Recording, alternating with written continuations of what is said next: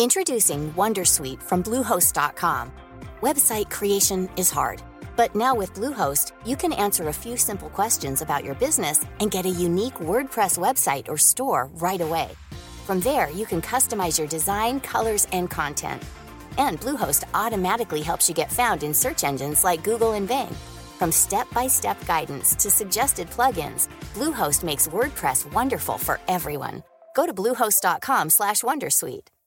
Quality sleep is essential for boosting energy, recovery, and well-being. So, take your sleep to the next level with Sleep Number. With a Sleep Number smart bed, you can individualize your comfort level and enjoy a better sleep night after night. JD Power ranks Sleep Number number 1 in customer satisfaction with mattresses purchased in-store. And now the Queen Sleep Number C4 smart bed is only $1,599, a saving of $300, only for a limited time.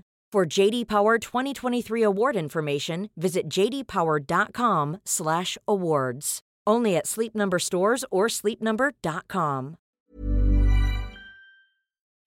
Men da tror jeg eh, vi bare begynner der. Velkommen hvis du hører på dette lydsporet, og velkommen til de som sitter i rommet, for i dag så er Menn uten midje på et spesielt sted. Ja, vi er uh, på Oslo kretsfengsel. Er det rette tittel på stedet? Oslo fengsel er det nå. Ting forandrer seg.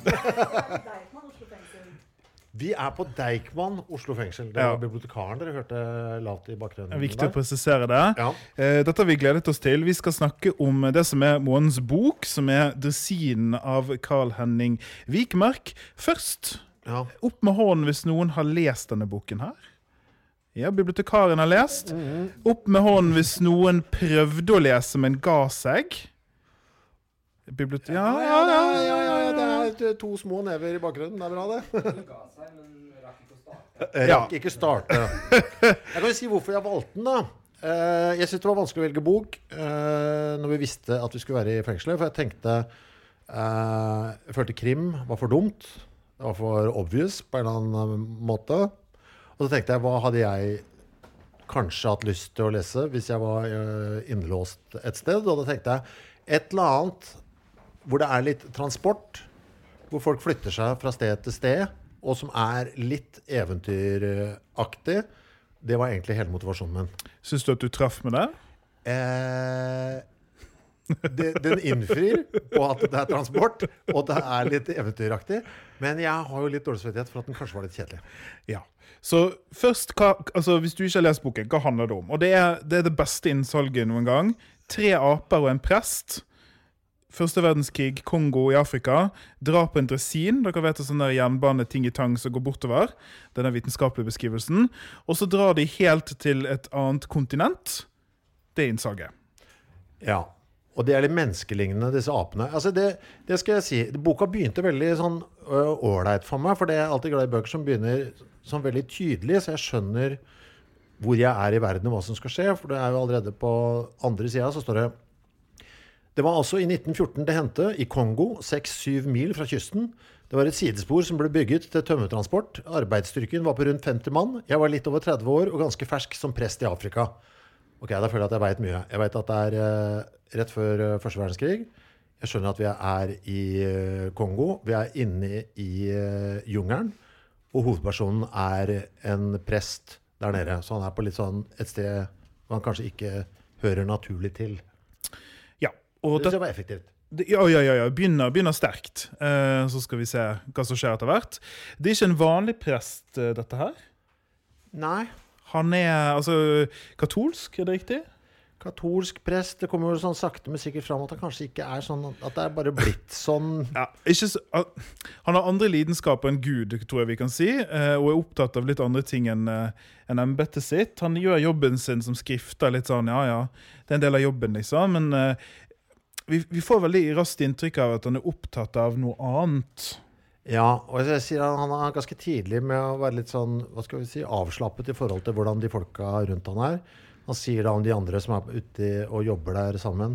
De levde helt i arbeidet, og framfor alt i kameratskapet. Litt onani og noen bordellsøk eh, skriftet de naturlig nok iblant, slik de hadde lært. Så han er liksom litt Det går ikke så innpå om det, altså miljøet.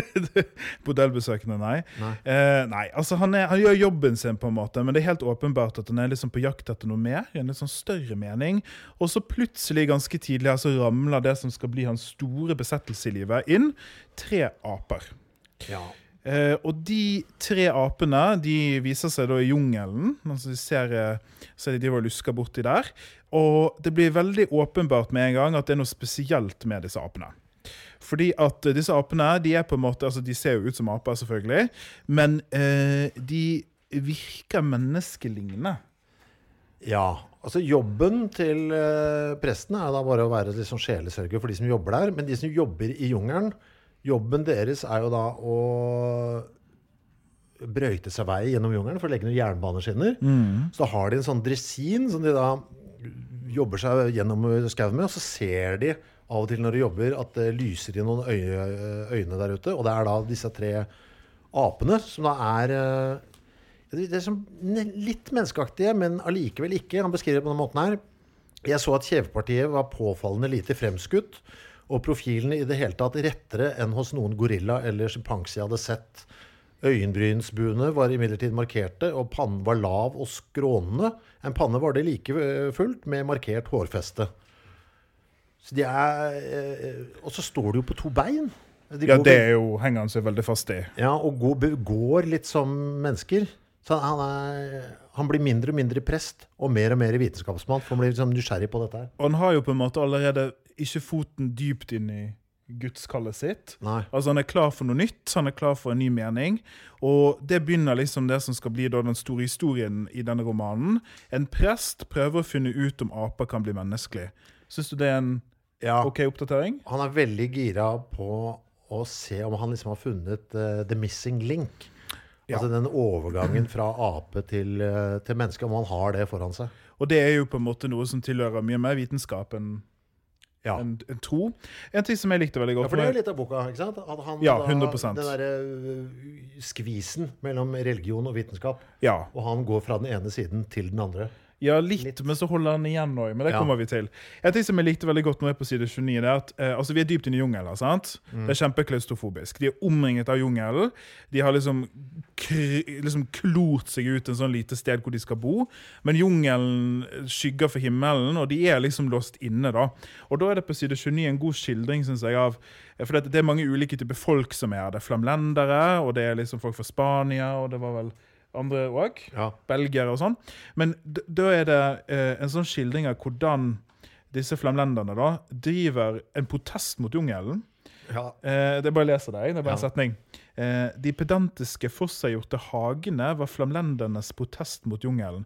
Altså, de, den, det kaoset og den klaustrofobien som finnes der ute i den store jungelen, måten de takler det på, det er at de lager bitte små søte hager. Og det syns jeg var så Det er liksom denne boken litt i et nøtteskall. ja, det er sånn forsøk, for jungelen er så jævla brutal. Og natur. Ja, Mens hagen er jo kultur, det er jo noe menneskeskapt. så De prøver å få en sånn orden i kaoset med å lage Små Altså, hager. De er jo omringet av natur, men de prøver liksom å kontrollere naturen i en sånn bitte liten hage, bare for å føle at de liksom ikke blir kvært Ja, av jungelen. Det føles veldig menneskelig, syns jeg. Ja. Jeg har um... Jeg må nevne her også, litt for dette her, bare, Det går ganske fort altså, fra at uh, presten ser disse tre apene, som jo fremdeles da, altså, De holder seg litt sånn i utkanten, og han har ikke så mye med dem å gjøre, men han gir dem ganske fort navn, altså. Ja, hva er de navnene? Uh, jeg uh, velger å kalle dem for Mathilde, Paul og Jacob. Og så så jeg et intervju med forfatteren, som insisterer på Mathilde, Paul og Jacob. Ja, Det skal være fransk uttale av en eller annen grunn. Ja, men uh, det er jo da uh, en dameape og Mathilde. to herrer. Og Paul er den eldre, litt sånn dominante mannen. Mm. Uh, og Jakob er på en måte ung og litt sånn tvilen, eller litt sånn forsiktig av seg, kanskje. Ja. Eh, en ting eh, som jeg reagerte, og som jeg satte kaffen i halsen for, som jeg sendte deg på SMS, ja. det er på side 35. ja. Eh, Kommer fort, det. Det kommer veldig fort her, og det, vi må nesten bare si det. Eh, Det brukes jo ord i denne boken som hva skal man si man ikke bruker lenger. Ja. Vi trenger ikke å si det høyt, men man blir jo litt, um, litt forskrekka her og der. Ja, ja, altså, ja, vi må jo nesten si det når det står Ja, vi må jo si det. Jeg kan lese det. Ja, Og dette ville dere høre. skal vi se. Jeg kan lese hele her. Varekassen. For det kommer en sånn der, eh, en fyr som driver og selger eh, eh, liksom bilder og juggel eh, inn til disse folka som er stranda inne i jungelen. da. Varekassen var en sinnrik konstruksjon med løse bunner og utfellebare rom, og jeg iakttok med stor fornøyelse hvordan Turner, det er det han heter, han som selger, med elegante, besvergende bevegelser, assistert av negeren, fant fram forbausende mengder av trykksaker og alle slags gjenstander. Ja. Uh, men ja, ja, ja, det er 100% den lille negeren, står det her. På Ja. side 35. ja, Eh, mitt, det- uh, mitt notat det er bare utropstegn. ja. Men kan dette her være en oversettelse fra fransk? Negro, tysk, forfatter- Er det Om det er oversettelse fra fransk Altså, forfatteren er jo Han er svensk forfatter, ja. Forfatteren er svensk, ja. Så det er jo helt klart, eh, klart Det er to ting. ene er, kan være altså ikke sant, Det er skrevet i, på 80-tallet, boka. 83 kom den ut. Ja, Så det er noe med at det var Ja, ikke sant? Litt mer ja, ikke sant? Mer vanlig å skrive. Men samtidig så tror jeg det er et ønske om å beskrive han, Tiden, kanskje? tiden og også han hovedpersonen. Ikke sant? Så han er jo der som eh, Hvit. hvit misjonær plassert ute i jungelen et sted hvor alt der, Så han bare Han har alt på avstand. Naturen, eh, apene, folka han, ikke sant? Han, han er ikke til stede i det hele tatt. Så han, det er eh, Ja. Vanskelig å vite her hva som er meningen med det, men det er jo i boken. ja jeg skvetter jo. Ja, jeg òg. Ja, wow, wow, Wow. Der, der. Og det er ikke bare én gang. Nei da, det kommer Mange ganger. OK, så eh, jeg skal til eh, Altså, denne Turner, da, han er eh, showman som er der for å selge juggel. Han gjør noe litt rart, og det er at apene kommer inn, og så driver han og viser Dette er litt absurd, men han driver og viser apene bilder av London og Titanic. Noe som er veldig viktig, han snakker med apene som om de er mennesker. Mm. Og viser dem ting og tang. Og får da Han, får ganske, han merker jo at de følger med.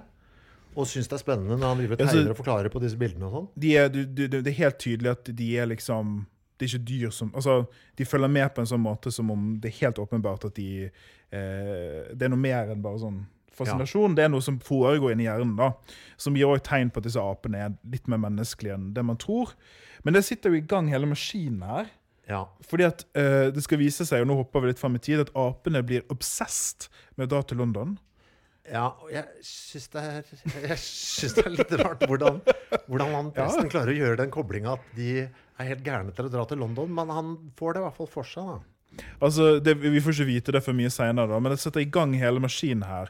Og så skjer det, nå er jeg på side 78 her. eh, Ja, det jo Ja, det må vi ta. Fordi at han her er, Det er en sånn eh, ingeniør da, som heter Dittel, eh, som har laget dresinen. Og laget det med seil, og det er skikkelig flott, liksom. En slags eh, farkost. Ja, for den dresinen er helt Den er litt sånn Mad Max-aktig. Ja. For den skal kjøre gjennom jungelen, så han har fått bygd på sånne eh, Sabler, liksom. ja, sånne det er sånn sverd basically, som stikker ut fra hjula, som hogger ned vegetasjonen. Og så har han også seil, så den kan gå på havet. Så det er sånn, eh, sånn koko maskin som kan drive og fly, eller ikke fly, da, men seile på havet og på land. Og disse apene får da en plan, men dette får ikke vi vite før mye seinere. Det er mellom, mellom linjene. Men de har da lyst til å ta denne dresinen, stikke av fra Kongo og dra til London. Ja. En setning jeg aldri trodde jeg kom til å si. Og, og da er det et problem, for han er Dittel, da. Han fyren som har laget denne dresinen. Eh, han må jo fjernes. ja. Og da dreper de rett og slett. Altså apene dreper Dittel. Eh, og dette oppdager presten vår, da. Eh, Du, tenker, du leser det som om at apene hadde lyst til å dra At uh, hadde lyst til å drepe han og ta han av gårde? ja, leser du det på en annen måte? Eh, nei, men jeg liker at du gjør det. Jo, eller, eller jeg hadde ikke tenkt på det. Jeg tenkte tenkt på at de bare hadde lyst til å drepe Ditla av en eller annen grunn. Å ja. Og så er det presten som bare drar i gang hvis vi skal ha dette ute på havet. Ja, sånn, Også, ja. ja. Jeg tror det er begge to. Altså, jeg, tror, jeg tror apene har lyst til å dra til London. Ja. ja, det har de. Ja, men det er jeg enig i. Og så tror jeg at for å få dette i gang, da For det er noe med Hvis, hvis apene er litt menneskelige, da, sant? Er det, er det dyr, eller er det menneske? Det er det som er spørsmålet. Og så er det så, det, er så mm, det de gjør som første handling, er å drepe. Ja. Og det er noe både veldig dyreaktig og veldig menneskelig ved det. Og jeg føler at de skal fjerne Dittel her for å komme i gang med dresinen på egen hånd. Og så er det liksom presten som får seg sjøl med på det, da. Eh, Men det kan jo leses på ulike måter der. Det som er i hvert fall er sikkert, at de får da denne svære, tunge øh, jernklumpen ut på havet, og den flyter. Eh, og det må, det må jo da pumpes, uh, sånn som man ville gjort for å få den framover på jernbaneskinna. Og det får den da apene til å gjøre. Og apene elsker den jobben. De syns Ja. det er kjempe... De har det så bra. Ja, det er, all, det er vel da de er på sitt lykkeligste i denne Mm. boka, nesten, disse apene. Ja. Får lov til å gjøre veldig kjedelig manuelt arbeid. Det er veldig rart. Ja, og det er viktig òg, tror jeg. Ja, det er det. Så, så vi må bare ta en liten eh, pause før vi går videre i historien. Så det, Der vi har havnet nå, nå har vi en prest som har gitt opp Gud litt. Så har tatt med seg tre aper som har drept en annen mann, på en dresin ute på elvene i Afrika. Ja. Og hans, det som, Grunnen til at han er med på det her, det er at han er obsessed med at disse apene skal få han nærmere menneskeheten. Altså, de, nest, de har liksom menneskelige kvaliteter, og han blir helt sånn der, eh, besatt av å observere de og finne tegn på at det er mer enn dyr. Så når de begynner å pumpe der og har det kjempebra, så er det sånn Ja, men se, se så. Litt menneskelig er de jo. Men altså, vi, da kommer vi til del to av boka, som begynner etter sånn 130 sider omtrent. Ja. Da har jeg, som du sier, vi er på, vi er på vei over Stillehavet. Ja, så de kommer ut, de kommer ut liksom, eh, elven på Afrika der på vestkysten. Dette måtte slå opp i kartet for å se hvor det var. Og så er det sånn tut-tut, nå er vi ute på Stillehavet. Ja, og det som er rart, da, da har du, du har han presten på den der bitte lille flåta. De har jo med seg mat og sånn. Og som pumper eh, rundt med to manneaper og en dameape.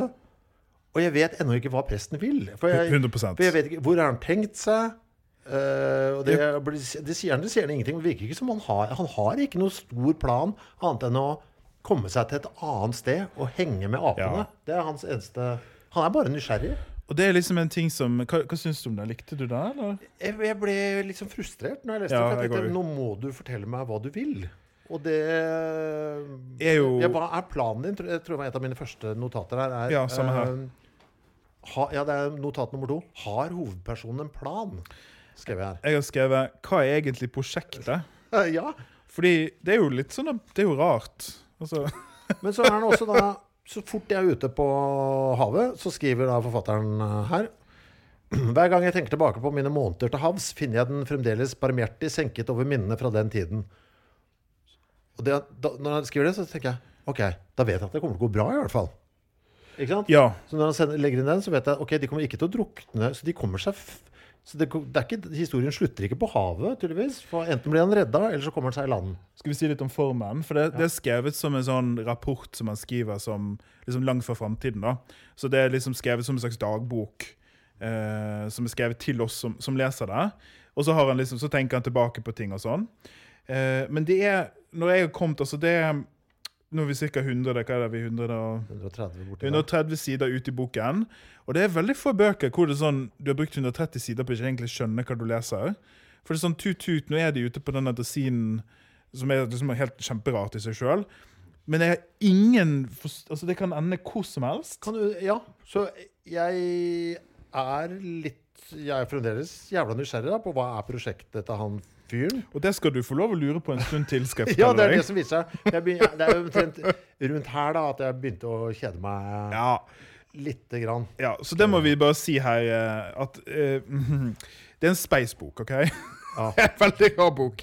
Den er litt lang. Det er nesten 500 sider. Ja. Og en kritikk eller en sånn ting som jeg òg syns var litt kjipt med denne boken, det er at eh, den har jævlig god tid. Ja, den har veldig god tid. Det er ingen her som, det er ingen action. liksom. Det skjer ingenting. Vi skal bare tenke på liv og døden og, og naturen på en flåte med tre aper. Men klart, nå har jo han god tid òg. Ja. Er, jo, altså, det er, jo, er det noe du har på når du er fanga på en flåte med tre aper over Stillehavet, så er det jo God tid. Ja, så det Ja. passer jo. Og det, det skjer ikke så mye når han levde i jungelen. Altså, livet hans er jo veldig sakte. Og det er jo det denne boken er. Ja. En slags meditasjon. Men det er ikke alltid like spennende, da. Nei, det er ikke det. Eh, Så havner de, altså Nå har de vært på Atlanterhavet der en stund. Det har vært, eh, naturen har høvla over dem. Det er sol, det er masse saltvann, de har dårlig mat. Får så vidt tak i noe fiske, og det er liksom tennene begynner å falle ut.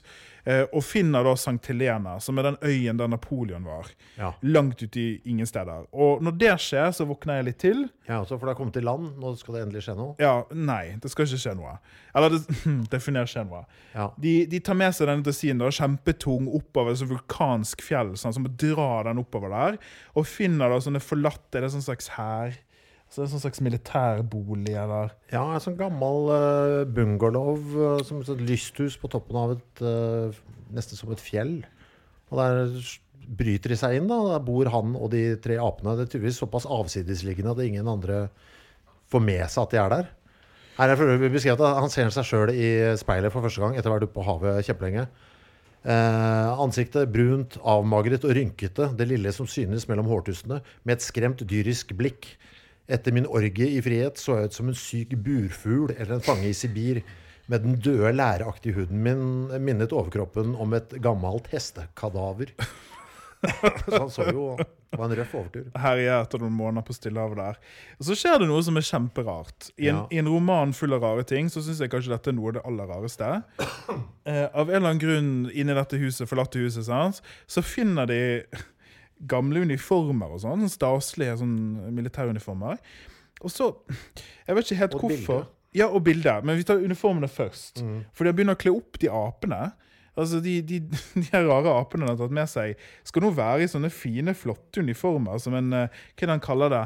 Det var nettopp det tåpelige maskeraden som var befriende, fordi det syntes å forutsette normal og utholdelig virkelighet som sitt kompliment. Altså, han sier altså, han, De Apene sitter elsker jo å kle seg ut også. Ja, Så de de er, syns det er topp å ta på seg sko og spasere rundt og late som om de er mennesker, nesten. ja. han får jo noe håp her òg, tydeligvis, da, om at han skal klare å, å få dem over i Eller at han er på vei i hvert fall, til å få dem til Ja. å bli menneskelig. Altså Det er sånn hele tiden for prosjektene, selv om ikke vi forstår det helt, det er vel et spørsmål om disse apene kan bli mennesker. Ja. Og når de kler seg opp i klær, så er han sånn Ja, det gjør jo mennesker. Så derfor er de menneskeaktige. Nå er vi Men- nærmere. Nå er vi nærmere, men problemet er at de leker. Eller det er ikke Mm. De gjør det sånn for, for lekens skyld. Så da blir det litt sånn dyreaktig igjen. Ja, vi spiller ikke rollene sine, da. Ja, sant? Ja, Ja. ja 100% de spiller roller. Det er jo nesten som du tar noen eh, fra en landsby som er langt, langt inne i jungelen, Mm. som faktisk har, har noen blader på seg. Ja, ja. Mm. Det er sant? Og så gir de uniformer, da. Så vet de jo ikke hva uniformene Nei?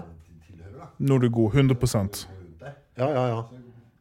Hva kan være det første kommuniserende som er, som er, langt, som har levd langt inn i jungelen, da, som har fått seg noen klær. ja. Jeg syns det er et godt bilde. Så det du sier, det er liksom at eh, Er det, er det lek, liksom? Altså, eller vet de engang hva de gjør? ja. Fordi at Han leser jo at apene har tatt på seg klærne som et tegn på at de er menneskelige. Men vi skjønner jo sånn som du sier også, at nei, men det er bare dyr som leker. eller De vet ikke hva dette egentlig er. Skal du ta det bildet? Jeg må bare si at på dette tidspunktet så er jeg Og da gikk det liksom SMS-er fram og tilbake mellom oss to. Ja. Fordi vi begynte Ja. For da da blant annet kom SMS-en 'Han har ikke pult apen'.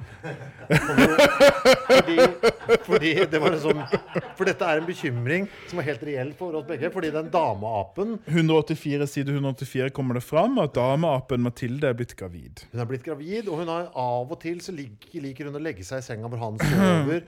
Og det ligger en sånn derre Ja. Fordi at eh, hun og han der eldste apen har en paringslek tidligere. Mm. Ja. Ja, så det er nok eh, Ja, jeg, jeg, altså, jeg, jeg trodde ikke at han hadde jeg, må, altså, trodde ikke at det, var, at det var presten som hadde gjort apen gravid.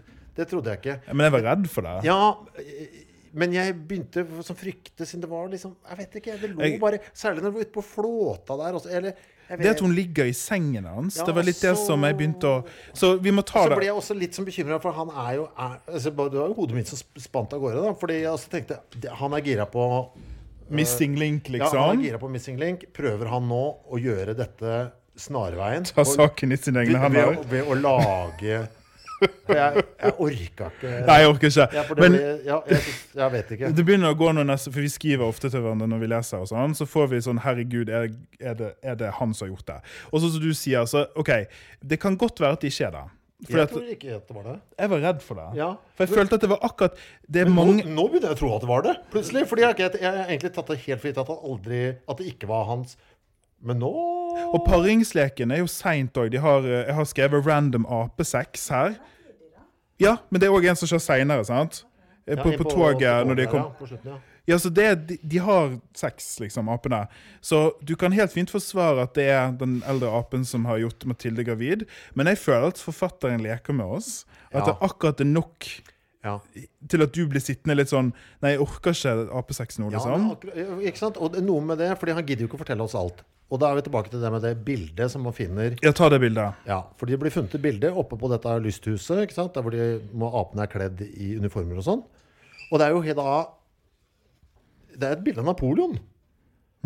Altså, det, det er jo beskrevet altså, Det er jo hatten og Altså, det er et bilde av Napoleon. Men han skriver aldri Napoleon i, i teksten. Han bare Og- beskriver som Napoleon ja, ser ut. Og så er det også et dagboknotat, som også da liksom er dagboken til Napoleon. Og det er altså så ballsy og rart. Altså han Du må liksom kjenne til Det er bare flaks at jeg visste at Napoleon At det var liksom øya Sankt Helena. Helena, ja. Og så kjente igjen beskrivelsene på bildet av at det var Napoleon. Og og så bare, men at du gidder ikke si Han gjør det ikke. Og jeg tenkte ok, du din luring, du gidder ikke si noen ting, du, som forfatter. Nei, du må følge med. Ja, Ja, og, da ble jeg, og det gjorde bare det apegreiene enda verre. Ja. For sånn, ok, Du har ikke skrevet at du har ligget Og det blir, det må jeg bare si om den apesexen, dette er kjempeviktig. Ja. Det at Det blir aldri sagt i klartekst at det er den mannlige apen som er far. Nei. Det blir, blir alltid hintet om og rundt og sånn, men det blir aldri sagt 100 ut. Og på et eller annet tidspunkt så sier jo presten selv at han er far. Gjør det? Ja, vi kommer til det. Jeg har det etterpå. Eh, vi, vi kommer til det. Men det er akkurat det er sånn For hver gang det er liksom hint om at det er apen som er faren, så kommer det én i den motsatte retning.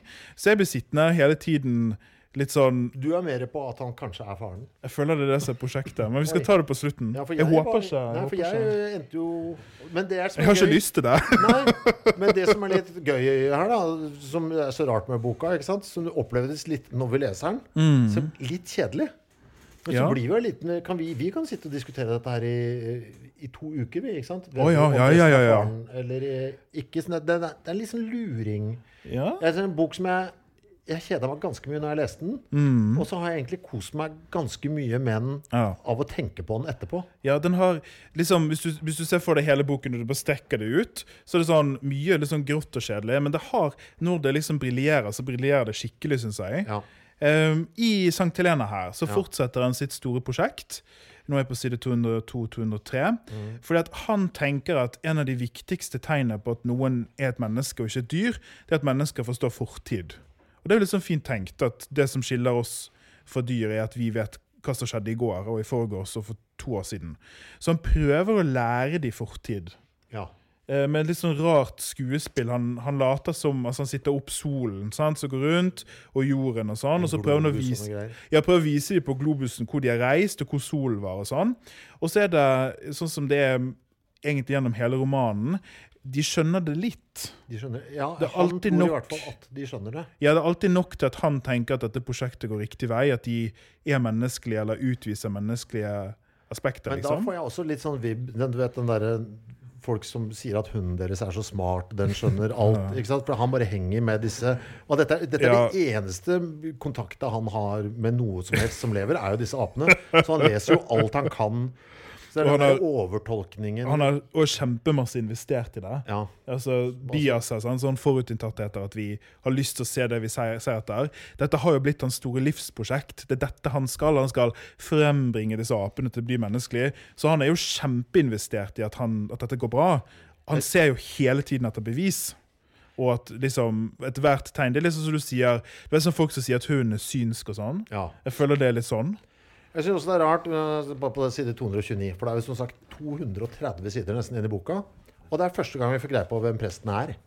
For da plutselig bare smeller det ut av han. Dette er jo vanlig Dette er sånn som i nesten alt annet jeg leser, ville ha kommet på side 5 og 6. For da kommer det bare inn som en sånn bisetning. Å, kanskje jeg her bør nevne at jeg er et barn av slummen i Brussel. Ok, du er fra ok, ok, det er masse, Da kommer der.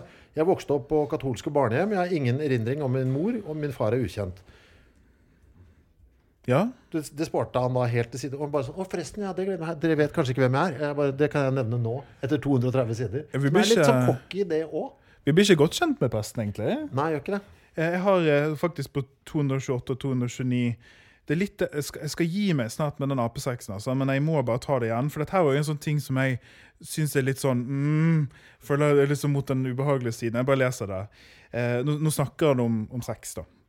Jeg forstår at man kan lure på om ikke skjødet plaget meg uimotståelig under denne lange reisen, da jeg helt manglet støtte i omgivelsens kontroll og også hadde løst meg fra embetets krav. Altså han har sluttet med sølibat. Så jeg blir litt sånn Selvfølgelig gjorde det det. Og jeg skal ikke skryte av min indre disiplin. Jaha. Eh, sannheten er den at jeg bare selvoppholdelsesdrift kunne avholde meg fra selvbesmittelse. Kjempetungt språk. Eh, det han sier, det er at han runker, liksom. Eh, ja. Fantasier hadde jeg, og kroppslige anfektelser, men jeg falt aldri for fristelsen. Ok, positivt. Eh, bortsett fra én gang, aha, negativt. Eh, rett og slett fordi det ville ha knekket meg moralsk. Så jeg er litt sånn, der er vi helt på kanten. Bare én gang og med den apen, da, kanskje? Ja, men altså, det, da tenker jeg nei, Jeg leser det som ett tilfelle av onani på flåten, siden det var ordet selvbesmittelse. Eh, Jeg, ser apene. ja. ja. Det, det, jeg, tror du kan si, jeg tror du kan lese det begge veier. Det er litt det som er problemet. Eller det som er gøy med det, da. Ja. At han gir oss, han lar oss henge der. Men så er det jo på den øya, da. Jeg er overraskende kjedelig, da, oppe på, selv om de er ja. kledd opp i ting og han har funnet greier av Napoleon og sånn. Og så våkner jeg i morgen så at det smeller. Eh, Det er kanonskudd ute på havet. Og da er det jo første verdenskrig som rett og slett har begynt. Ja. For det er jo 1914, dette her. Mm.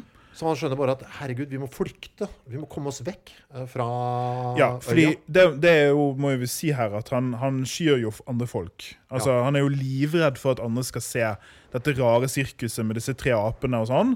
Eh, så han, han- de, han er, vil jo være i isolasjon, og når det da blir masse Sankt Helena er jo en sånn eh, liksom med masse båter og sånn som, som blir aktivert, så vil han jo vekk derifra. Ja, men jo, jeg er redd for at folk skal ta han vekk fra apene også, for da er han liksom så i gang med det prosjektet. Det er livsprosjektet hans, liksom, disse apene. Og da er det ute på havet, da. Og igjen. Uh, Og da begynner jo formen å bli veldig dårlig. Jeg ser her. Etter en uke kjente jeg at et par av tennene mine var løse. Ingen av fortennene, heldigvis. Det gjorde ikke vondt, klødde bare litt, men snart var fire stykker helt løse. Og det var bare å plukke dem ut. Uh, Så han er i ferd med å få noe mangelsykdommer. Sikkert sjøbruk, da, sånn Ja, vitamin C-mangel. Eh, og så skjer det noe som jeg Ja, det, er- det syns jeg faktisk var helt Ja, nå Her er mitt notat til meg sjøl. Helt vilt. ja, er Han møter på en ubåt. Midt ute i Atlanteren der, nå på vei mot Sør-Amerika, så møter han på en ubåt som bare plutselig stikker opp. Sånn, hei, hei. Eh, og det er tyskerne, ikke det? da? Jo da, tysk ubåt. Tysk ubåt. På dette tidspunktet så vet jo ikke Han er fra Belgia, så han vet jo ikke han vet jo ikke på hvilken side Belgia er i Han vet ingenting, han. Nei, Han har ikke snakket med noen, så han vet egentlig, han vet det krig, men han vet ikke hvem som er i krig med hvem. Og hvilken side er han de forskjellige landene i Europa på. Altså Alt er bare helt altså, han, er, han er så isolert som du kan få blitt eh, når Ja. han da møter denne ubåten, som da popper opp og inviterer dem om bord. Eh, eh, ja, og det må sies at eh, de, altså, de har jo spørsmål om det rare de har møtt på midt på havet her. Med en dresin og tre aper og en helt sånn skjeggete mann uten tenner. liksom. Det er jo ikke helt bra. Eh, men han klarer liksom å, å forklare Nei, men det er et eksperiment, jeg er vitenskapsperson. Det er litt sånn Kon-Tiki-aktig. sant? Sånn, nei, Vi skal prøve å se om apene kan la, la, la. Og så er de skeptiske, men de kjøper det. Det som er litt fint, da, for da på det tidspunktet så ljuger jo presten til uh, dette ubåtpersonellet. Han sier 'jeg er vitenskapsmann'. Så allerede der så har han på en måte Forlatt. Ja. Det, det, Han gjør, Ja, brudd med fortida der. Og det, han ljuger jo også, da. Så, I form av ja, det skal ikke man gjøre når man er prest. Nei. Eh, så inviteres da apene om bord. Ja. til stor skuffelse for presten. Ja. For det viser seg at apene syns det er vel så gøy å være med de andre som er på ubåten. Eh, ja, for han har jo fått seg et, dannet seg et bilde at dette er mine venner nå. Vi er en gjeng. Vi er det, oss fire. Og så viser det at apene er jo ikke driter i han, de. Ja, for de syntes det var mye morsommere å være på ubåten og henge med Ja, Få masse oppmerksomhet og sånn. ja. Og de elsker jo på ubåten, for de kjeder seg også. Ja, Ja, ikke sant? ja noe nytt, ja. Ja, Ja. alt er Og det blir jo som, det blir helt kaos for han, for han presten. Altså, jeg tror aldri han er mer ensom nå. Når han, han får møte mennesker igjen for første gang på kjempe, kjempe, kjempelenge. Og da er han på sitt absolutt mest ensomme. Ja. Ja, introvert. Og Ja. jeg tror, men nå, er vi, dette, nå må vi bare ta en liten pause, for jeg tror dette er en av det som gjør romanen litt trist. Ja. Det er at den eneste måten denne stakkars presten kan ha venner på, Ja. det er med å tvinge noen aper i fullstendig isolasjon. ja. Og ved enhver gang de apene møter andre mennesker, det er flere ganger, så forlater de han sånn med en gang. De er så lite interessert i den presten, egentlig. Er, ja, her har jeg bare skrevet Ubåt, krig, aper, midt på havet, total ensomhet er mitt, no mitt notat her. For på dette tidspunktet så er det verdens uh, Ensomste fyr. Jeg synes det er noe litt sånn sprøtt med det òg. At, liksom, at han er på sitt mest ensomme når han for første gang møter folk igjen. Og så havner han i- et eller annet fint som jeg ikke klarer å Men han klarer ikke helt å snakke. Sånn, da har han møtt mennesker, når han har vært alene med disse apene så lenge, så møter han endelig andre mennesker. Og for mange så er det hyggelig. sant? Endelig kan jeg snakke med annen, en annen voksen. i anførselstegn. Men han bare blir sittende sånn og klarer ikke Ja, han er nok det. sant? Eh, Tysk, tror jeg. Jeg tror også For det er tysk. ja. Han kan snakke tysk, da, Ja, for for han er belgier. ja, for han har vært liksom prest for masse forskjellige Det var mye, mye folkeslag når han var inne i jungelen her også. Og det, de, de, har liksom, de inviterer han til mat, endelig ordentlig mat. sånn Kjøtt og poteter. Eh, Så blir han bare sittende liksom, og klarer ikke å spise, egentlig. Og han ljuger jo også, liksom later som han er på tyskernes side. da, litt sånn Ja, for å være venner med de. Og så får han da for seg De skjønner jo hvor han, skal, hvor han har lyst til å dra, så de tilbyr seg å taue den dresinen med ubåten i eh, overflatefart. Og dette pågår litt, men han er da så aleine. Han, klarer han klarer å henge med de ubåtfolka så lite at han velger å sove på flåten. Som blir taua etter, mens apene er inne og koser seg. Så er han liksom alene Mm. Ja, det er veldig trist. taua etter en ubåt på Stillehavet. For en For det første så fyr. er det, jeg synes det er veldig rart, for det er så rart. Det er så rart, Men allikevel så klarer jeg å ta, ta det i meg. vet du? Jeg tror ikke på noe av dette. Men samtidig så tror jeg på hvor ensom han er. Når jeg leste det. Ja, Jeg tenkte bare nei, dette er for trist, liksom. det Kan jo eh, disse eh, tyskerne og folk fra Brussel ikke hadde så Ja. Ja, det er litt, og han er jo litt redd for å, å liksom slippe å fortelle de informasjonen som er relevant. Men, men likevel, det er liksom, dette er en mann som bare er Han er så desperat på jakt etter mening, liksom. Og det er jo veldig menneskelig. Vi er jo alle på jakt etter mening. Men han har liksom Han har lagt alle eggene i feil kurv Ja. i dette tillegg. Han må jo kanskje det i forhold til at han er prest. da. Mm. Så Han blir jo mottagelig for tyskerne å ta imot en prest. Mm. Men kan ikke være om at det eneste som er igjen av prest i det opplegget her, er hans egen eh, benevnelse av prest? Han, han, han, han sier han er prest, men Ja. troen og håpet og kjærligheten er jo long gone. ja. Ja, enig. Ja. Tyskerne visste ikke at han var prest. Nei, han har ikke sagt det der. Nei. Nei, der har, Nei. til- Overfor tyskerne så har han ljugd og sagt at han er vitenskapsmann. Og skal bare sjekke så ha med disse apene og se tror at det, dette er en ny type Et menneske som kommer tut-tut seilende på Atlanterhavet. Men seinere så sier han at han er prest igjen. Ja, hva var det? Ja, men, ja, men Ja. han sier hele tiden at han er prest. Ja, litt sånn av og på, da. Nei. nei. Nei, og han, han sier også senere, det kommer vi til kanskje om litt, men han sier også senere at han er, helt sånn, han er så lei av å være prest. Altså, for prest må du lytte til andre mennesker, Ja, og det, er som, verste det er han kjempelei av. Det vil han ikke gjøre mer. Nei, fordi, ja, for på et tidspunkt så må han da liksom late, Du kommer litt senere, han må late som han er prest igjen. Og det er bare Å nei! Så han er prest når det da, er kommer nyttig. menneske, da kommer menneskene igjen. og Ja, liksom. slitsomt. Det er apene han eh, Jeg tror han er, brenner for. sier, han er en veldig introvert eh, type. Ja. Men han er på jakt etter kunnskap, da. Det er hans store Og så vil, han, så vil han på en måte ikke bli lagt på en side, hvilken side han er i krigen. Da, ikke sant? Ja, det vil han helt Han vil være nødt trekker seg jo tilbake og ikke prøver å si feil. Ja, og så, farlige. Og så får han det jo bekrefta òg, sånn som du sier nå. Da, fordi eh, han, han henger med apene. Og så når han først møter menneskene, så ser han bare Ja, for menneskene er jo bare i krig. Det er jo Mm, det er en er jævla verdenskrig. Hvor jeg burde jo holde altså, det er noe, Altså, men ikke det litt sånn for å ta det tilbake til disse sånn helt, boka her er mye bedre enn vi trodde.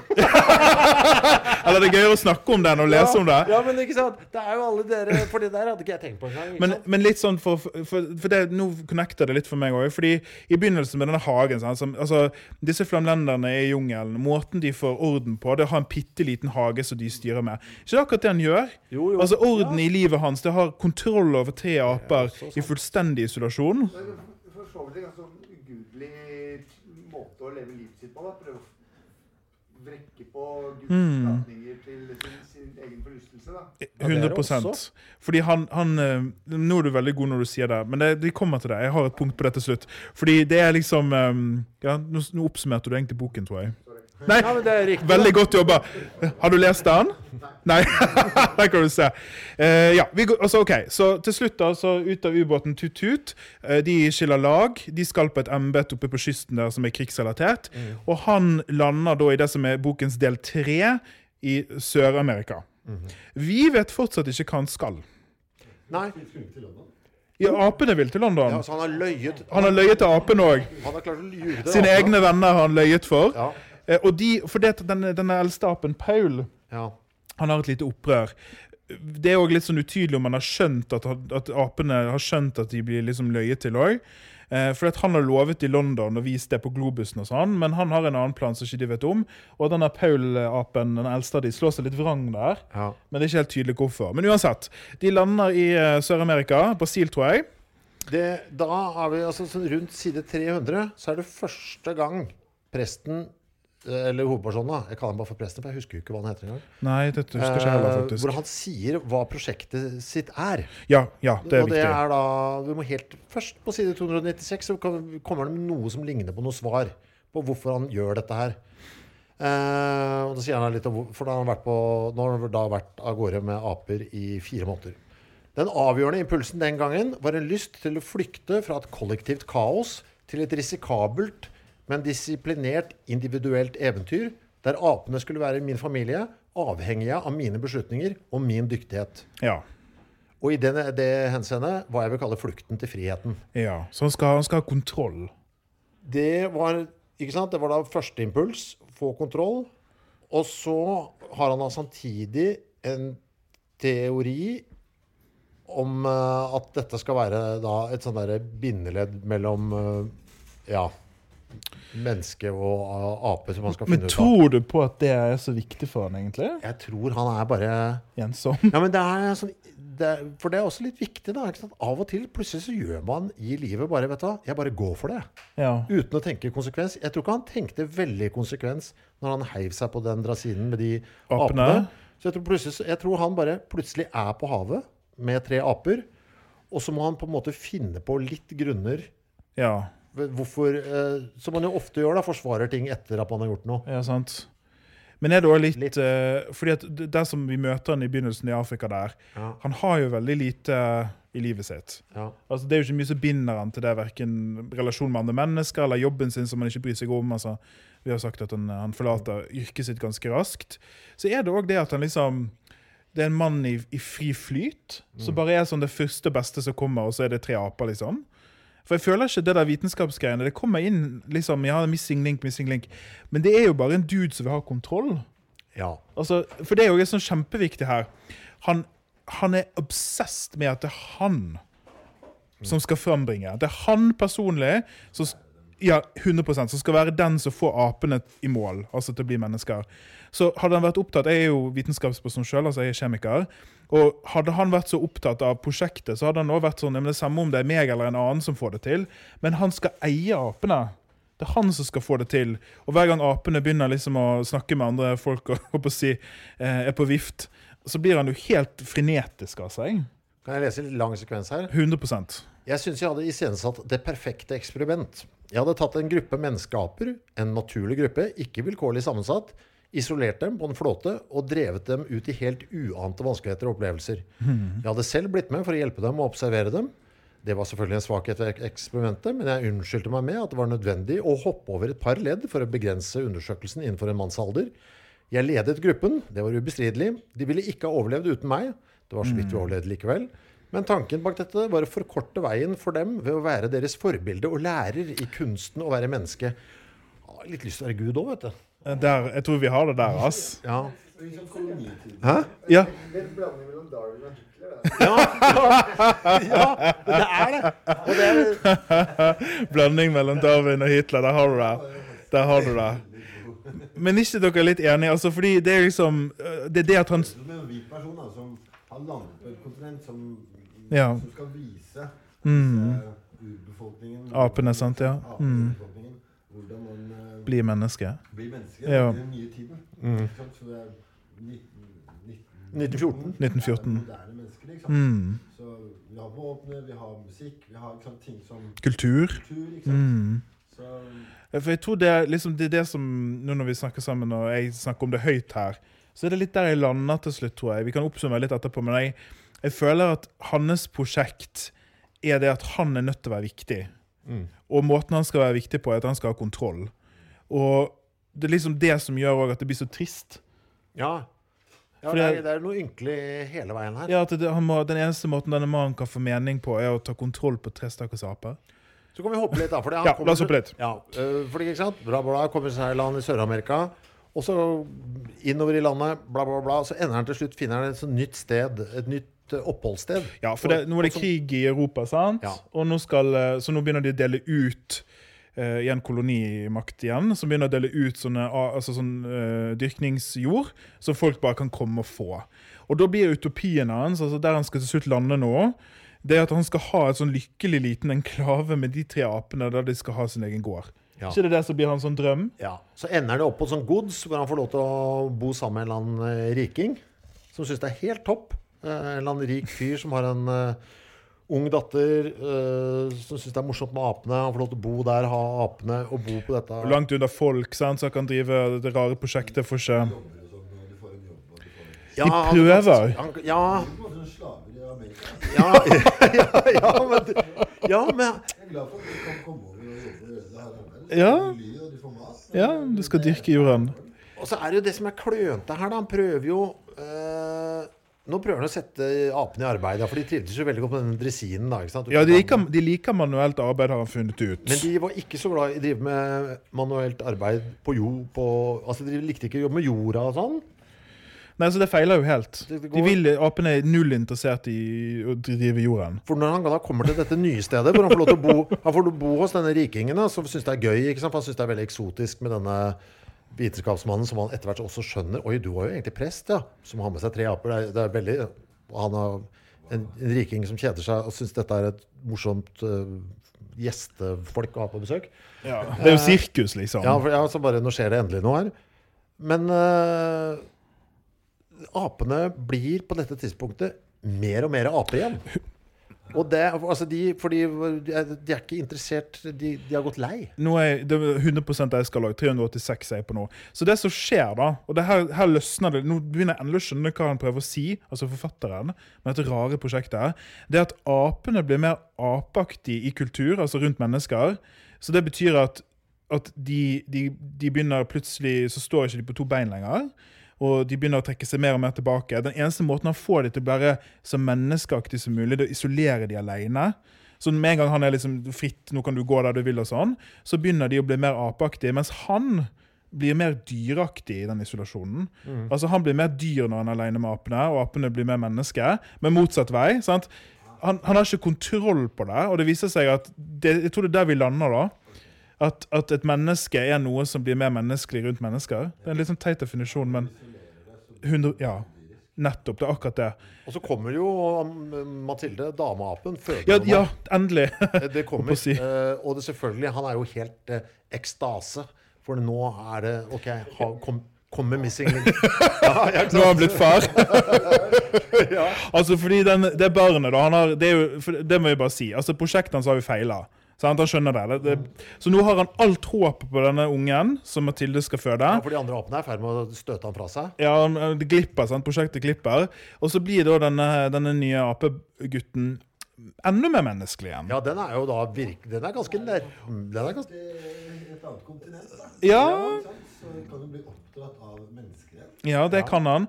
Og bare for at jeg skal ikke, jeg skal ikke presse min apesexagenda enda en gang, men det er jo et tegn på Ja, men den begynner men, men, den begynner Denne apen begynner jo da som å være ganske nærme menneskebaby.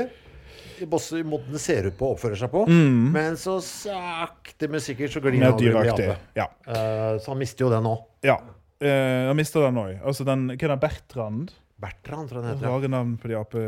Men, men eh, ja, så han mister han òg, og det ender jo med Kanskje vi skal bare runde av der, at eh, eh, at uh, altså dette prosjektet går bare helt i stykker. Ja, Apene Eh, stikker av etter hvert. Også. Ja, det blir, sånn, det blir brann i en låve og noe greier. Så viser det seg at mest sannsynligvis den apegutten har drept noen dyr. Ja. Som er litt sånn negativt, selvfølgelig. Og da stikker de av, og han blir sittende der alene med ingenting. Altså med skjegg i postkassen. Ja. Uh, og hele prosjektet har bare gått opp i limingen. Men han har en slags sånn konklusjon på Han sier på side helt på slutten av boka, 466 Han lurer jo litt på hvorfor gikk ikke dette så bra, da. Oi, sorry. Ja, Og det syns jeg egentlig er litt interessant. Fordi vi, husk, vi nevnte i starten at uh, første gang uh, når han liksom skjønte at det var noe spesielt med disse apene, var når det kom en fyr, en sånn salgsmann, han som brukte negerordet. Mm. Han prøvde å selge dem uh, Eller skulle selge, vise dem bilder og sånn. Og, Titanic og og snakka sånn. direkte til apene, og de ble supergira. Og der da, da sier han her, når han nå sjøl skal oppsummere hvorfor det gikk gærent Hva var det så jeg unnlot, eller rettere ikke evnet? Det spørsmålet har jeg for lengst funnet svaret på, og med fare for å synde mot den gode regelen om å ikke trekke slutninger i en fortelling, skal jeg gjøre det nå. Jeg unnlot å snakke til dem. I det hele tatt å snakke, tenke høyt i deres nærvær. En mann som Turner, altså han salgsmannen, ville ha gjort det. Han satte i gang de menneskelige hjernene deres ved å snakke til dem og anskueliggjøre det han sa ved å mime. Altså, han behandla de som dyr. Ja, han Ja, ikke sant? Han var Ja, han, han, han, han prøvde liksom Han prøvde bare å vise dem hvordan de skulle oppføre seg, men han kommuniserte aldri med dem, da. Som, Nei, altså- om, som om Han behandla dem faktisk aldri som mennesker. Mennesker, nei. Og det var der det gikk. Han prøvde å kle dem opp som menneske. Han prøvde å tvinge dem til å spise menneskemat. Vise de mennesketing Ja, som mennesker gjør. mennesketing, Men var alltid bare Ja. Ja, Ja. peking. Lærte ikke, altså, og det er jo det som altså det, Til slutt, som dere hører, det feiler jo. Altså Hele dette prosjektet feiler. Det ble en total fadese. Uh, apene stakk av, han ble sittende der. Eh, og, hele, og han skjønner til slutt hva han har gjort galt, i anførselstegn. Men Jeg bare ser det, han er så negativ, vet du. Mitt forhold til verden og menneskene har vært Ja. en streben etter kunnskap og klarhet mer enn samhørighet og livsvisdom. Jeg har ofte vært fascinert, sjelden varm om hjertet. no kidding. Det er en av de siste tingene han faktisk sier til oss som lesere. Altså, Oppsummere litt, da. Hva syns du om det Nei, her? men Chris? faen jeg... Jeg fikk med nå jeg, at han faktisk ikke snakket med Ja, Ja. Det er ja et godt poeng. Ja, det, ja, det, og det er så rart òg, for det skjønte ikke jeg heller. At han ikke hadde snakka med ham før, før han egentlig sa det sjøl. Bare, bare ja, ja, faen, det gjorde du faktisk aldri, nei. Det er aldri noe dialog her. Liksom. Ja. Jeg får gi de sjansen, da. Sant? Det kan jo godt være at dette er Vi får jo aldri svar heller, vi som leser, om dette er noe spesielt med de apene, eller om de bare er smarte aper. Altså, vi vet ikke? Ja, sant? Det blir jo også sagt at det kanskje er en sånn um, Fra hans syn- synspunkt. Nei, nå forteller jo han hvordan opplever Mm. disse apelignende mm, Ikke sant? Så jeg føler liksom Kan hende at en person her i det hele tatt ikke har sett den type menneske. Ja, det blir så eksotisk for han, liksom. Så, såpass eksotisk og krydra at det blir Og det, en slags ape, eller missing link. da. og det er 100 riktig, for det, i begynnelsen av romanen så blir det, da er han jo i Kongo, sant? i Afrika. Og da er det mye snakk om at det fins i de afrikanske junglene altså mennesker som er har vært avsondert fra resten, men som fortsatt altså, Det er mye snakk om om det finnes noe som er missing link, eller noe imellom, eller hva spekteret er, da. Men jeg, jeg er litt sånn Det som, ja, det som jeg syns er veldig gøy, det er mye gøy å snakke om denne boken enn å lese den. si. Det var akkurat det jeg skulle si også. For det er rare, for dette var en tung, Ja, litt tung. tung Og dere har jo hørt når vi har lest språket. Ja, Ja, veldig god tid. Kjempegøy å snakke om den. Ja, veldig gøy. Eh, og, så, og, og så kan man snakke om så mye ting. Da. Du, kan snakke om, du kan snakke om krig, ikke sant? Du kan snakke om mennesketyper. Altså, han er en introvert fyr som liker å isolere seg. Og du kan snakke om eh, Natur og kultur. Ja, og det å være troende veten, eller være vitenskapsmann. Du kan også snakke om eh, kolonialiseringa av eh, Ja, det er viktig. Altså, du kan snakke om Den rommer Så jeg skjønner jo litt eh, hva, Tankegangen er kanskje fra 1900-tallet, hvordan folk tenkte. Ja, ikke sant? Sånn. Fordi folk var ikke på flyttefot eller reisefot. Eller Og, det er jo òg sånn. Ja. Og det er jo litt sånn anti... Altså det er jo til syvende og sist for meg, da, så er det jo sånn Han er jo ikke noe humanist, han presten var. Han, altså, han er jo ikke noe opptatt av menneskeverd og menneske... Altså, han, han ser jo på både andre mennesker og dyr som noe eksotisk annerledes. Og til syvende og sist så er jo det en fyr som, som har meninger og holdninger som er Altså, det, er jo, det er jo det som gjør at han taper da, prosjektet sitt. Uh, han vil ikke snakke til dem som mennesker. Og til syvende og sist, han, han er så obsessed med at han skal være viktig. Han er eiersjuk òg. Han vil jo ikke dele seg nei, nei, nei. Og de får ikke lov å gjøre som de vil. Han skal ha kontroll. Den ene, han er lykkeligst når han er isolert på havet med dem. Mm. Den, den der, eh, når de er på Atlanterhavet der, når tennene hans faller ut Mm. Det er liksom Han har svidd i trynet av solen liksom, og går i stykker. Da er han på sitt beste. For da har han skapt sin ørlille lille hage som man har full kontroll på i jungelen. Kjenner du det er litt, litt igjen i ham også? ja, jeg har noen aper hjemme. Nei, nei, men jeg tenker mer på den derre Vitenskapsbiten, eller? Nei, jeg tenker mer på Altså, det, av og til så tenker man at vet du hva, jeg har jo mest Det, det, det er godt med kontroll også. Altså, Ja, ja, ja, ja, ja, altså. Trøbbelet kommer alt, ofte i møte med andre mennesker. Men Ja, samtidig så skjønner jeg jo Det går jo ikke bra hvis jeg ikke har møte med andre mennesker. Nei, sant. Det er noe, han sier noe fascinerende om det der, eh, med det å være menneske, at vi trenger de andre folka. Men samtidig som det er jækla deilig å være litt for seg sjøl òg. Ja, og så hvordan Du Det er noen paralleller til eh, livet her inne, egentlig. altså. Ja. Fordi eh, du sitter jo på, på Selleri. Ja. eh, Den lille hagen som de snakka om i boka. Mm. Og om morgenen så blir du dritglad, for du får ta på en uniform, og så får du gå ned og gjøre noe greier med kroppen din. ikke sant? mm, Eh, og jo mer du sitter på den cella, jo bedre er det å sitte der. Ja. Så, jo, jo hardere blir virkeligheten å møte med menneskene. Og du har dritgod tid, meditativ tid, som de snakka om i den boka der. mm, Og, og prosjektet er egentlig bare noe dritt, helt til du, som i boka, er ferdig med det. da. Mm. Da er det veldig spennende. Ja, sant. Så det Ja, for- det første jeg tenkte jeg liksom hørte innledningen. Altså, det kan sikkert dras paralleller til mange ting, da, men eh, ja, det er det som kanskje er litt fiffig med den. ass. At den er litt, den det er er en kul, kul greie, men Ja. den er ikke så kul eh, når du står i. Nei, sant. Det er som boka! Det er litt kjedelig når du leser den. ja. Men er det ting dere, så dere nå, har dere nå har vi snakket dere gjennom boken, er det andre ting dere henger dere fast i som dere syns var morsomt eller rart? eller? Jeg lurer på hvordan de overlevde så lenge i havet. Ja. De hadde et sinnssykt eh, matlager. For den der dressinen Det kom litt sånn fram i, i starten av boka. At han der fyren som hadde bygd den, da, han som ble drept Han hadde bygd en sånn kjempedressin, så det var egentlig basically som en Dere har liksom. som et hus. Så de, altså, før Og han stakk ut på havet, så eh, stjal han jo all maten fra camp. Ja, det var jo veldig prestlig. sant? Ja. Bare ta all Og maten så deres. lagde han veldig små rasjoner, da, så alle gikk ned i vekt og sånn. Og så litt- fisket de litt og sånn, da? Det er litt, litt tynt.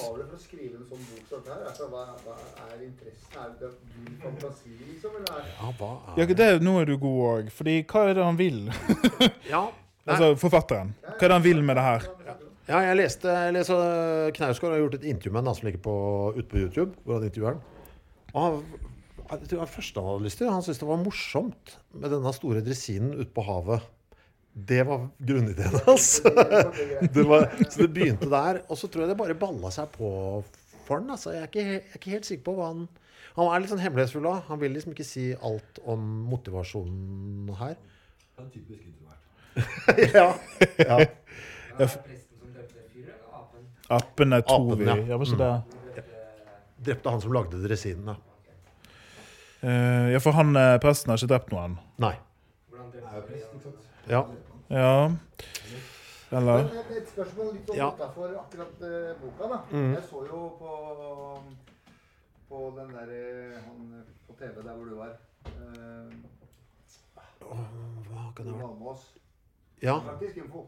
Praktisk info, ja. ja. Der snakka du om en podkast som skulle være sånn smal som mulig. Sånn typisk sjettegire på en Opel Ja. Astra-stil. Er dette en del av det? Nei, dette er egentlig denne podkasten her kom som en følge av at vi, vi har en annen podkast sammen. Og så tok vi oss sjøl i at uh, før vi alltid skulle gjøre opptak på den, så ble vi pratende om hva vi hadde lest eh, sist, siden sist. Og så kom vi på «Å, herregud, når vi kaster bort så mye tid på å snakke Altså, vi kan like gjerne la båndet gå, og så kan det være en egen podkast. Det kommer mer av uh, Det bare at vi Og så viser det seg vi syns det er jævla gøy da, plutselig å prate om bøker. Og så nå, for eksempel, da kommer jo masse greier fra Ja, det er dere. gøy å snakke om ofte. Ja, og det var egentlig enda gøyere å være flere enn to. For nå kom, det, nå, kom det andre, nå kom det andre greier, da. Det, ja. Ja, veldig fine innspill, altså. Det veldig, og det er det som er så gøy med, med det prosjektet her, eh, å, å lese bøker. Det er gøyest ofte å snakke om, fordi at man henger seg fast i helt ulike ting og har ulike perspektiv og sånn. Og så er det Eh. jeg synes det var veldig rart nå å si ting. Og så si, kanskje plutselig kommer du med noe innspill fra siderne som er Ja, det er kanskje det også, ja. Og så kommer det med at man, Det man bare bygger på det. Boka ble jo mye bedre av å sitte her og snakke om den. Ja, enig. Eh, Ja. Ja. Var det noen som fikk lyst til å lese den nå? Jeg skulle til spørre om det. Dere, dere anbefaler vel ikke boken? Eh, det er ikke på toppen. Ja. ja. Kan høre på oss og se. Altså, det er Nei, men, det var jo inte, det, men det er jo over på den der store, rare pratene. Hva skal bøker være, på en måte? Da? ja, hvis, du, hvis du liker sånne type ting som vi har snakket om med menneske, natur og det sånne større greier, og, Men og du har god tid med- Men du må ha noen å snakke med det om. Ja. For, for den boken er ikke noe, den gikk noe st- Men det blir som i boka, da. Altså, Livet hans har ikke noe verdi før du er i møte med andre folk. Jeg føler at det er, det er mangel på kunnskap fortsatt, da. mm. Eh, Fra, fra han som skriver. Mm. Så jeg litt gammeldags i form for at jeg skal gidde å lese den. For Ja. så starter den jo veldig seint Ja. med å fortelle hva dette her egentlig ja sant? Så hvis du, hvis du liker action, for eksempel, eller at Ja, bare at det har kanskje sammenheng med samfunnet, da. Ja. Litt mer sånn. Jeg kommer nok ikke til å anbefale den. Det Nei, dette er ikke Tilbake til, da. Jeg. det, er- Ja, for det er interessant. Det er interessant å se på det. Hvordan ting var før, og snakke om hva som ikke er OK lenger, og hvordan vi har endret oss og sånn. Men jeg, jeg tror ikke dette er på topplisten. Hvis noen spør meg sånn «Ha- Alex, har du en kul roman? Så det er ikke den, det er ikke den her jeg tar ut først. Det er en kjensgjerning at det, det er skrevet millioner av bøker, og det fins jo for hver nye bok, dårlige eller gode bok som gis ut, så fins det i hvert fall 100 gode. Mm. Her? Jeg valgte den, øh, som jeg sa i starten her, da, fordi jeg tenkte, vet du hva Her er en liten sånn virkelighetsflukt, var min plan. Ja. Eh, og jeg hørte liksom Ja, det var en fyr som Altså, det bare hørtes så bra ut. Tre, altså En prest og tre aper på en dresin over Stillehavet. Det, det var egentlig nok for meg, det. Ja, men så tenkte jeg at, ja, men jeg tenkte at det, jeg tenkte at det kunne passe bra i fengselet. Jeg tenkte at dere, dere har sikkert lyst til å drømme dere bort til andre steder. Nå kom jeg på noe. Det Min fjerneste fantasi. Det var ikke fantasi det var virkelighet. Jeg var på en musikkfestival en gang. Nede ved vannet. altså helt honky-dory. Og så kommer jævla Lassie sitter der på en gris med påhengsmotor. Den over fjorden, da. Er det noe sånn fetisj eh, Å ja! Ja, du li- ja, ikke sant? At jeg, du trekker en parallell til at jeg også har reist uh, til havs På et dyr. på, på et dyr en, som, var- som har en flåte. Nettopp. herregud. Det er jo litt paralleller der. Du liker jo å ha kontroll òg. Ja, det gjør jeg altså. Ja, ja, ja. ja. Jeg tenkte vi skulle runde av. Jeg. Så Ja. måten vi avslutter bokpodden på, det er at det er jo Chris som valgte denne her, som dere vet, så jeg som har valgt neste. Unnskyld. Eh, ja, nei, det, det ikke så. Jeg tror jeg har valgt noe dårlig. Oi sann! ok, nå skal, jeg, skal vi få se hva det er straks, men uh, det henger litt sammen med dette på en måte. Og så er det en klassiker som jeg uh, Ja, det er en kjent bok. Som òg kanskje henger på en måte sammen med fengselet, jeg vet ikke. Men grunnen til at jeg angrer, det er at jeg leste første halve siden, altså første side, og ja, det er skrevet på en veldig spesiell måte. Men her er neste måneds bok. Den skal vi da lese eh, Eller vi skal omtale eh, live fra Romsås bibliotek. Romsås bibliotek, skal vi snakke om denne? Oi, se der, ja. Den Ja. har jeg aldri lest, men jeg har jo sett filmen. Ja. Eh, A Clockwork Orange. Eh, Anthony Burgess. Er den så tynn? Ja, ikke? Det, det det meg. Den er kjempetynn. Ja, så den kan man lese, men eh, Den er jo 140 sider, er den. Ja, den er ganske kort, så det er litt deilig. Eh, men eh, hvis du, den er skrevet på slang, altså på sånn rar britisk slang, og det er litt det som jeg glemte. Oh, ja. For jeg tror jeg har begynt på denne boken en gang før. Og lagt den fra meg. Og så 1972 glemte jeg er den fra. 1972, ja. Eh, men eh, eh, Ja. Vi får se. Ja. Du, den er faktisk enda kortere enn det jeg sa. For det Det er, er for det er en, sånn preface for det er en sånn sånn introduksjon her på ganske mange sider. Så den er eh, Godt og grei. Ja, vet du, dette er jeg spent på. Og så handler det jo liksom om hva et menneske er, tror jeg. Ja. De vanlige tingene. Hvor er det vi kan høre disse podkastene? Det Podkasten kan man høre hvor enn man hører podkast. Den ligger gratis Den ute. ligger gratis ute overalt. Så Spotify eller Apple eller hva nå enn du bruker. Ja. Eh, Så den ligger ute. Og da er det vel egentlig bare å si tusen takk folkens for at dere kom. Det var kjempegøy å høre tankene deres. Eh, mye gøyere å gjøre det med dere enn egentlig bare oss to, syns jeg. Ja, det var det. Det var kjempekjekt. Eh, Tusen takk. Jeg flytter den.